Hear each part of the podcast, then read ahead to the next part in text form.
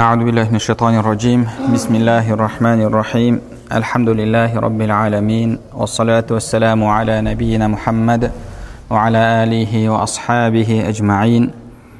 رب اشرح لي صدري ويسر لي أمري واحلل عقدة من لساني يفقه قولي. اللهم علمنا ما ينفعنا وانفعنا بما علمتنا. وزدنا علما وعملا وتقا وإخلاصا يا رب العالمين أما بعد السلام عليكم ورحمة الله وبركاته иншаллах алла субханала тағаланың қалауымен имам әбу хамид әл ғазали рахмауллахтың ихя улумиддин кітабы бойынша өтіп жатқан дәрістерімізді ары қарай жалғастырамыз біз сіздермен өткен дәрісте адамның ихсан дәрежесіндегі адамдармен мәміле жасау, жасаушылардан болу үшін не істеу керектігін айтқан болатынбыз. Келесі имам әбу хамид ғазали рахмауллах қозғаған мәселе бұл фи шафақати тәжири аля дини яғни сауда саттықпен айналысып жүрген адамның ұстанып жүрген дінін уайымдауы дінінің қамын жеуі дейді. Және ол кісі бұл мәселеге қатысты айтады.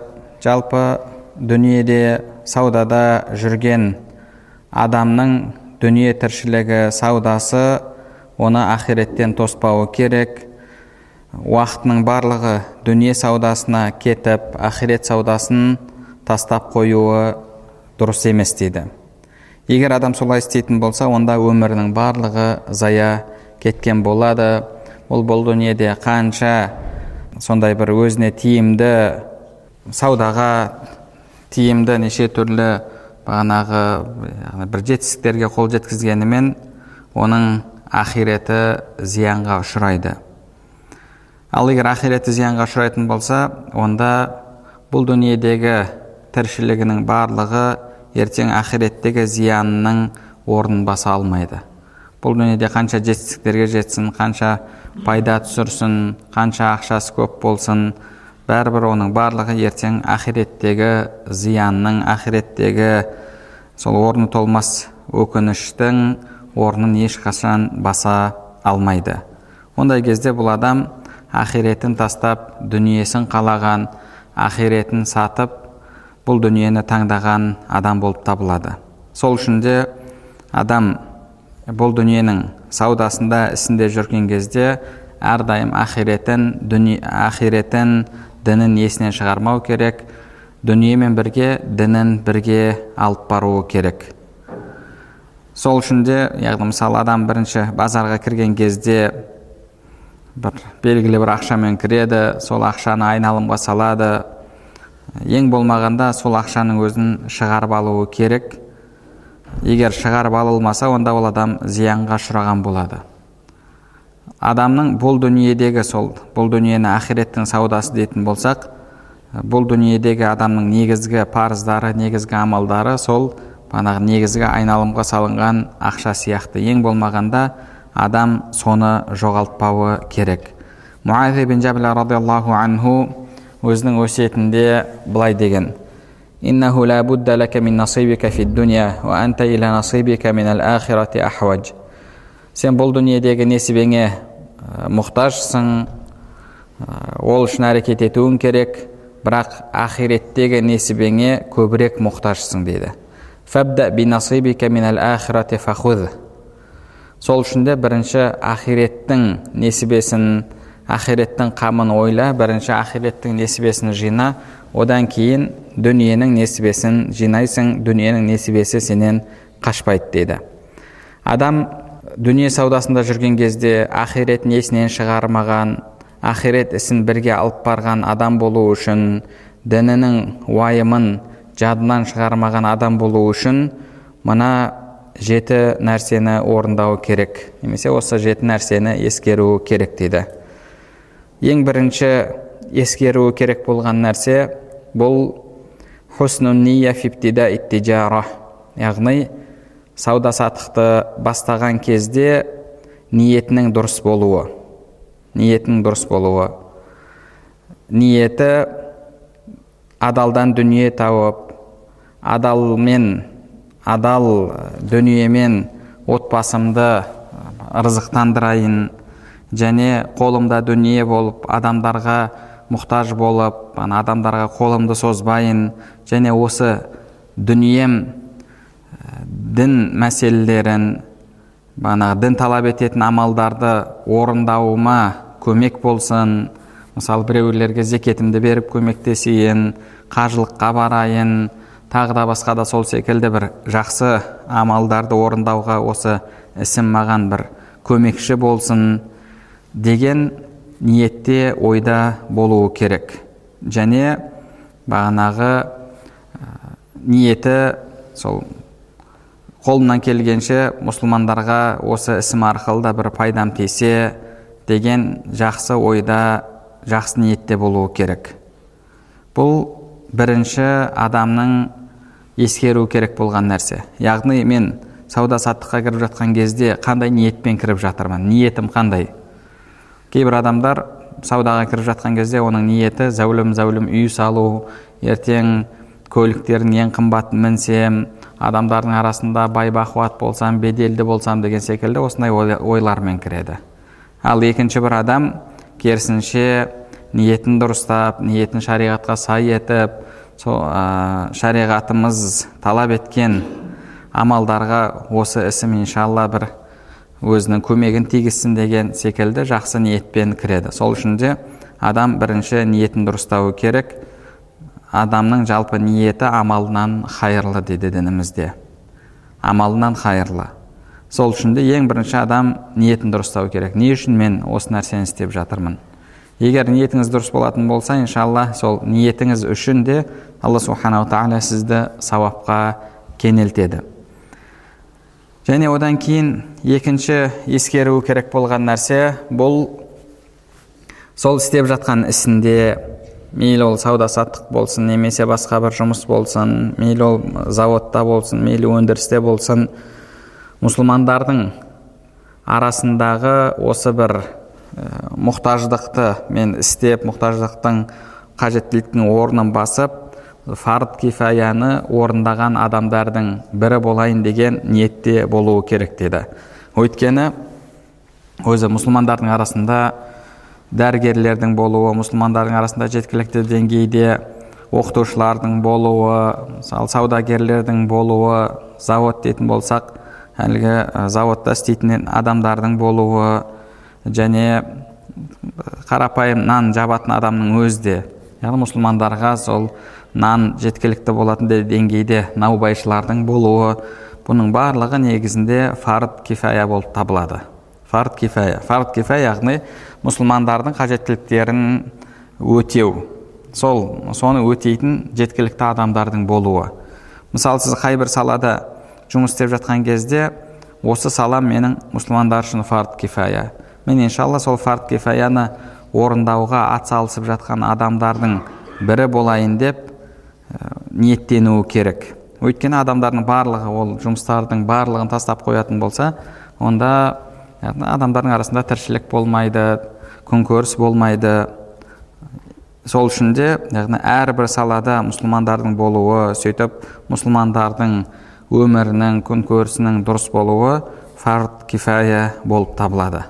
Бұл екінші адамның ескеру керек болған нәрсесі. Одан кейін адамның ескеру керек болған үшінші дүние бұл бұл дүниенің базары оны ақиреттің базарынан тоспауы тиіс. Ақиреттің базары яғни ақиреттің саудасы жүретін жер бұл әл мәсәжид яғни алла тағаланың мешіттері. Құранда алла субханала тағала ол жайында айтады.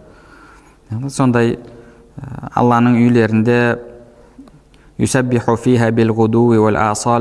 ертелі кеш аллаға адамдар тәсбих айтады деді. Олар кімдер?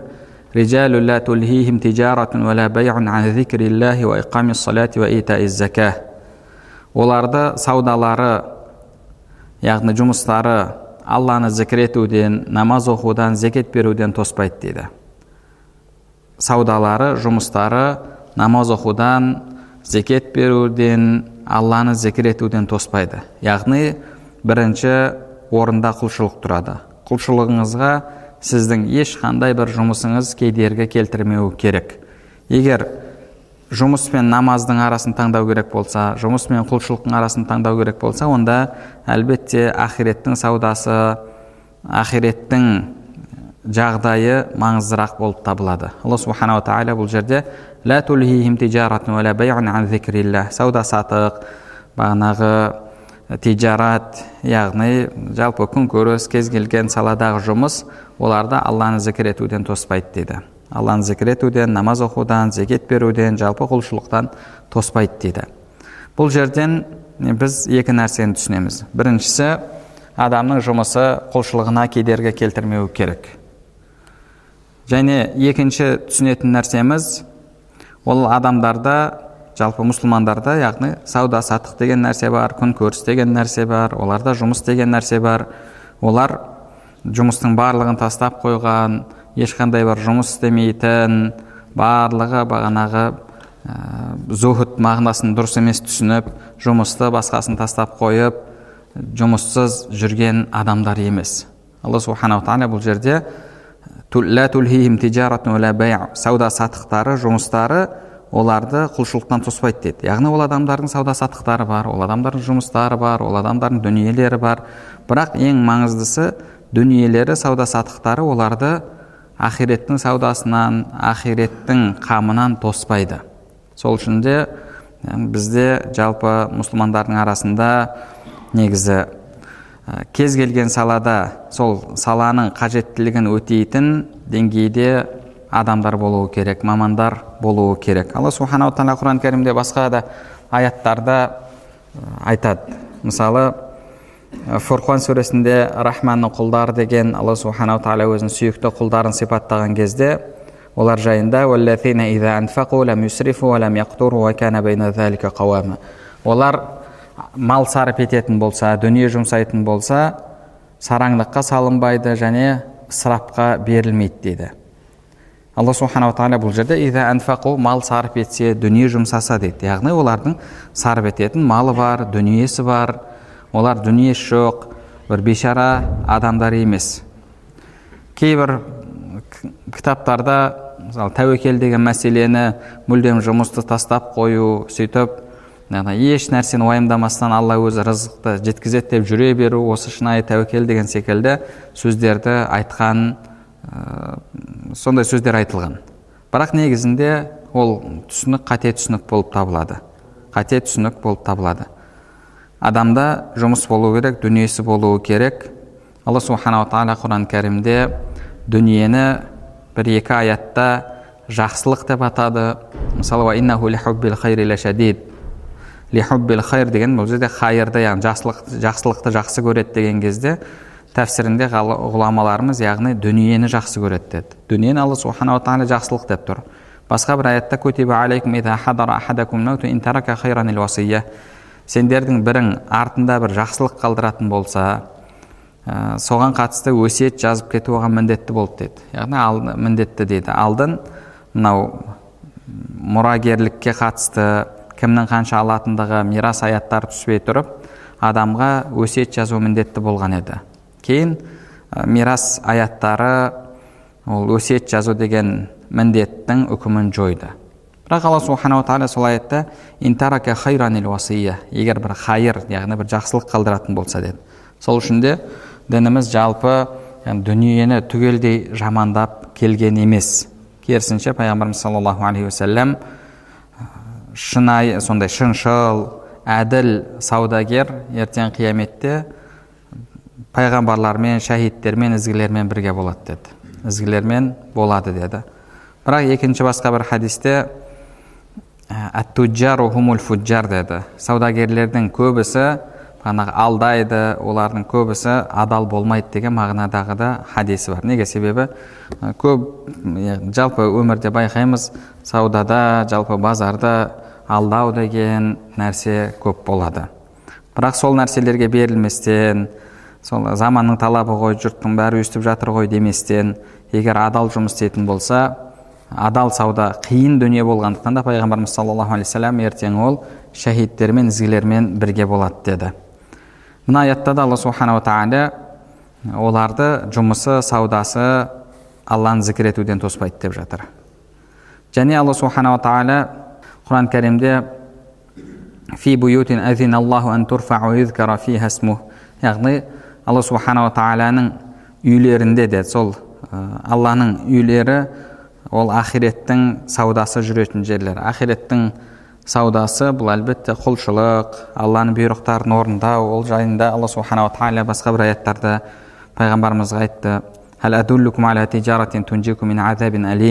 Оларға сендерді ауыр азаптан құтқаратын саудаға үйретейін бе сауданы сендерге үйретейін бе көрсетейін бе деп айт деді яғни ақирет ісі де сауда болып табылады бірақ ол алла тағаламен болған сауда алла субханала тағала құран кәрімде тағы басқа бір аятта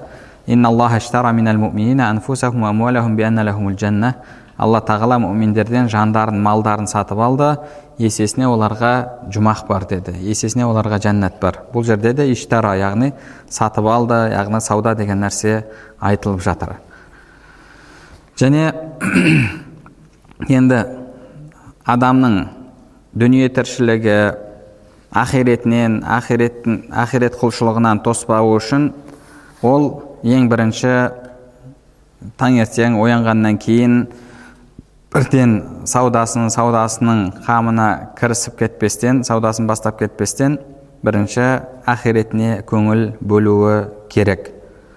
Имам абу хамид айтады базарға сауда саттыққа кіруден алдын бірінші мешітке барып мешітте таң намазын оқып сол жерде ана күнделікті уердін оқып яғни әрбір адамда негізі күнделікті уерд болу керек. Бағанағы ә, пайғамбарымыз саллаллаху көрсетіп кеткен намаздан кейінгі оқылатын сүрелер кейін одан кейін ә, жасалатын ә, зікірлер тәсбихтер бар.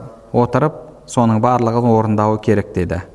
Омар радиаллаху анху сол сауда саласында саудамен айналысып жүрген адамдарға айтатын еді.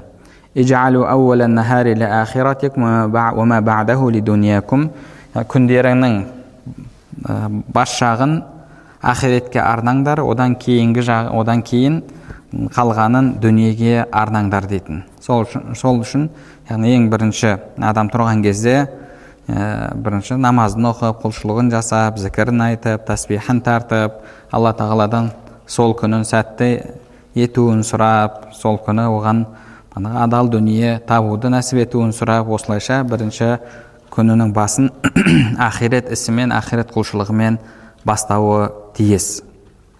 Және одан кейін яғни төртінші ескеру керек болған нәрсе бұл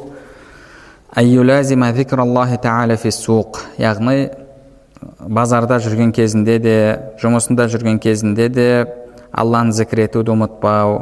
Әрдайым тәсбих айтумен истиғфар айтумен уақытын өткізуі керек. Яғни біреу келіп саудаласты ма бір нәрсені сұрады ма жауап беріп қалған уақытта мысалы тәсбихін тартып немесе бір кітабы болса кітабын оқып осылайша пайдалы жұмыспен құлшылықпен уақытын өткізуі керек. Өйткені жалпы саудада яғни базарда адамдардың барлығы дүниемен әуре болады барлығының ойы дүние болады. Сондай жерде алла тағаланы зікір ету яғни адамдар ғафілдікте ғафля дейді араб тілінде сондай ғапылдықта немқұрайлықта болған жерде алланы зікір етудің сауабы абзал болып табылады. Пайғамбарымыз саллаллаху алейхи уассаламнан хадис келеді. Адамдар ақиретін ұмытып сондай нәпсі құмарлығымен жүрген жерде сондай уақытта кімде кім құлшылықпен айналысатын болса дейді. Енді зікір ету де алла тағаланы құлшылық болып табылады. Ол илейя маған ә, қоныс аударғанмен бірге хижрат жасағанмен тең дейді. Маған қоныс аударғанмен бір дейді пайғамбарымыз саллаллаху алейhi айтып жатыр. Яғни бұл әлгі мекке әлі фәтх болмай тұрған кездегі меккеден мединеге қоныс аударудың сауабымен бірдей болып табылады.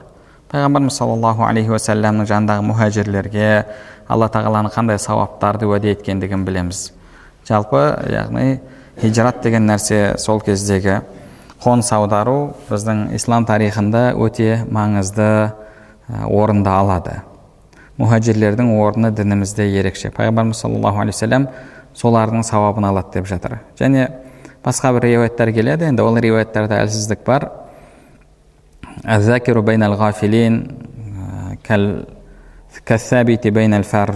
Яғни немқұрайлыққа салынып бағана алла тағаланы ұмытып қойған адамдардың арасында болған кезде алланы зікір етуші адам соғыста барлығы қашып бара жатқан кезде жалғыз өзі тұрақтылық танытып жауға төтеп берген адаммен тең дейді бұл хадисте әлсіздік бар бірақ әлгі біз алдын айтқан имам муслимде келген сахих хадистің мағынасын қуаттайды.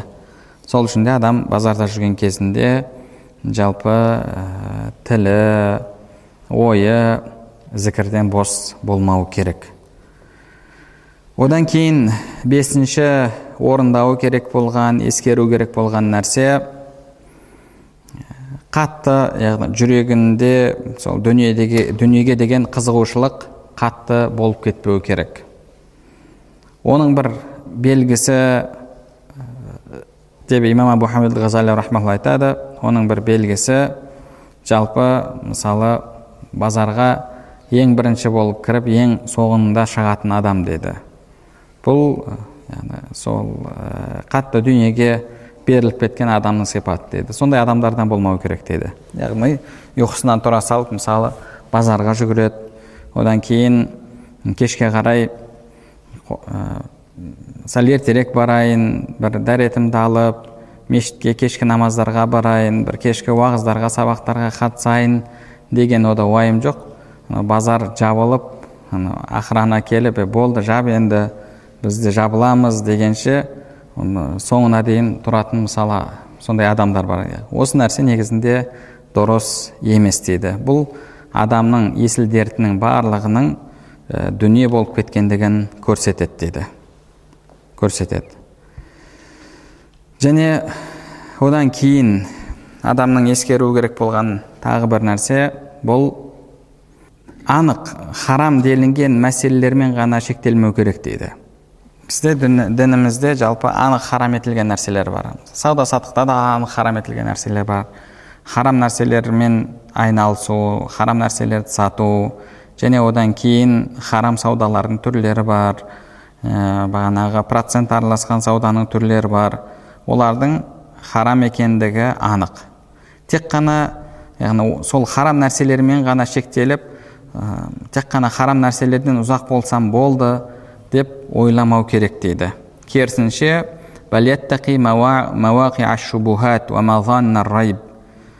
күмәнді болған нәрселерден де ұзақ болуы керек дейді күмәнді нәрселерден де ұзақ болуы керек яғни жалпы адам діні үшін пайғамбарымыз саллаллаху хадисінде айтқандай күмәнді нәрселерді тастап күмәнсіз нәрселермен айналысу керек оған міндет болатын нәрседе дейді саудада жүрген адам кіммен бағанағы қарым қатынасқа түсіп жатыр оған да қарауы керек дейді. Егер тану білу мүмкін болған адам болатын болса. Егер әлгі адам бір зұлымдығымен қиянатшылдығымен ұрлығымен немесе бағанағы процентке әлгі ақша беріп қарызбен айналысатын немесе тағы да басқа да сондай харам болған сауда түрімен айналысатын адам екендігі мәлім болатын болса ондай адамдармен мәміле жасаудан қарым қатынасқа түсуден бас тартуы керек дейді. Себебі ол осы нәрсені істеуімен ол адамның зұлымдығына көмектескен болмайды дейді. Ал егер ол адамның ары қарай жұмысының жүруіне сіздің әлгі саудаңыздың онымен қарым қатынасыңыз қарым қатынасыңыздың әсері болып жатса тікелей болмаса да бір ол адамға қолдау көрсеткен адам сияқты боласыз. Сол үшін де қарым қатынасқа түскен кезде де сенімді таза адал адамдармен қарым қатынасқа түсуі керек дейді. Қарым қатынасқа түсуі керек. Және бұл мәселелерде де дейді жалпы имам әбу хамид ғазали айтады барып пәтуасын сұраған кезде де адам өзіне ыңғайлы етіп пәтуасын сұрап сонымен болды имам молда маған пәтуа берді деп сонымен жүрмеу керек деді. Мысалы адам жалпы бір нәрсені сұраған кезде сіз қалай жеткізесіз пәтуа беруші?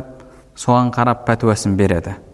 Пайғамбарымыз саллаллаху алейхи вассалам өзінің хадис шәрифінде айтады ғой сендер маған келіп жүгінесіңдер мен сендердің араларыңдағы мәселелерге төрелік етемін. Сендердің бірің өзінің бағанағы ұстанымының өзінің ісінің дұрыстығын дәлелдеуде екінші тараптан сөз жағынан шешенірек болуы мүмкін. Егер ол шын мәнінде нахақ яғни әділдік ол жақта болмаса бірақ мен естігенім бойынша әділдік сол жақта деп соның пайдасына шешіп беретін болсам онда оған мен ә, тозақтың отын беріп жатырмын. Қаласа алсын қаласа тастасын деді. Яғни жалпы пәтуа беруші адам да негізінде ол да қарапайым адам. Сіз қалай жеткізесіз соған қарай пәтуасын береді. Мысалы кейбір адамдар бір нәрсені сұраған кезде ниеті сол нәрсені дұрыстап алу. Сол үшін де мынандай нәрсе бар оның үкімі қалай бірақ негізі былай былай үйтіп қарасаң мынандай деп былайша айтқанда төндіріп тастайды. Яғни сол е, ондай болса болады деген секілді сөзді шығарып алу үшін сөзді солайынан келтіреді.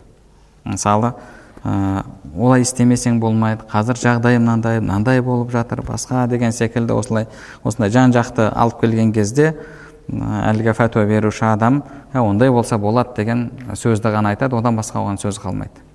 Өзі пәтуаны сұрау, сұрауға келген кезде сондай ниетпен келген.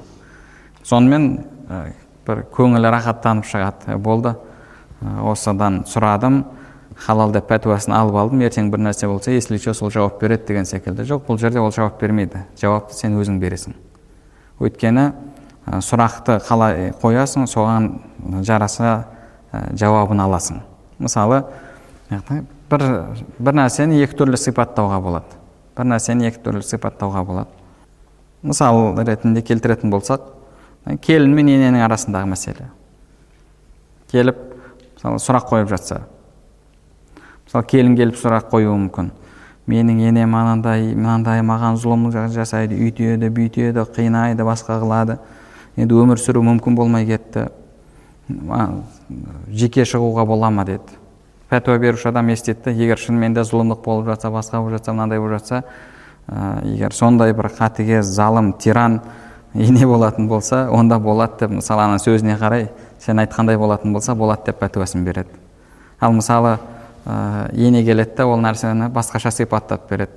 Сонымен ол келеді да онда ол келіннің ісі дұрыс емес оныкі мынандай деп мысалы айтуы мүмкін. Бұл жерде сен қалай ә, жағдайды сипаттап суреттеп бересің соған байланысты болады. Сол үшін де яғни күмәнді болған нәрседе келіп пәтуасын сұрап алсам болды ә, сонымен амал ете беремін деп ойлау қателік дейді. Пәтуасын алып алғаннан кейін де пәтуаны сұрауда да сен әлгіндей сөздерді пайдаландың. Бірақ одан кейін де жүрегіңді мазалап тұрса ол нәрсенің күнә екендігін біл деді. Жүрегіңді мазалап тұр жүрегің тыныштай яғни тынышталмай жатыр. Ондай кезде адам күмәнді нәрсені тастауы керек дейді және ә, сондай ақ адамның ә, жетінші ескеру керек болған нәрсе бұл әрбір адаммен қарым қатынасқа түскен кезде сол қарым қатынасын өзінің бақылауы керек деді мен сол жерде артық сөз айтып қойып жатқан жоқпын ба? Артық мақтап қойып жатқан жоқпын ба? Немесе мынандай да бір қателікке жол беріп жатқан жоқпын ба деп жалпы әрбір адаммен қарым қатынасқа түскен кезде өзін бақылауы керек. Өйткені оның қарым қатынасын бақылап жазып тұрған періштелер бар. Алла субханала тағала құран кәрімде кираман кәтибин кираман кәтибин бар деді біздің амалдарымыз жазып тұрушы бар алла субханала тағала басқа бір аятта адам бір нәрсені айтса соны бақылаушылар бар деді яғни сені бақылап тұрған ә, періштелер бар ондай болатын болса сен өзіңді бақылауды естен шығарма әрбір адаммен мәмілеге түскен кезде әрбір адаммен қарым қатынас жасаған кезде мейлінше шариғатқа сай болуға адам тырысуы керек. Яғни жалпы адамның осы саудада жүрген кезінде ақиреттің қамын ойынан шығарып қойған адам болмау үшін осы нәрселерді ескеруі қажет болады. Ескеруі қажет.